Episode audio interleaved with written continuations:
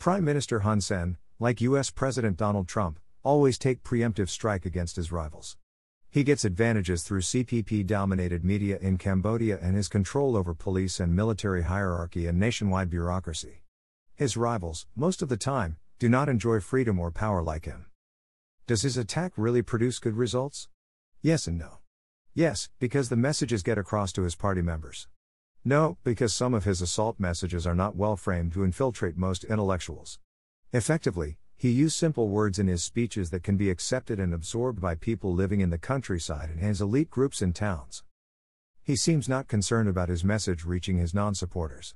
It is easy to reach his own supporters and to be continued.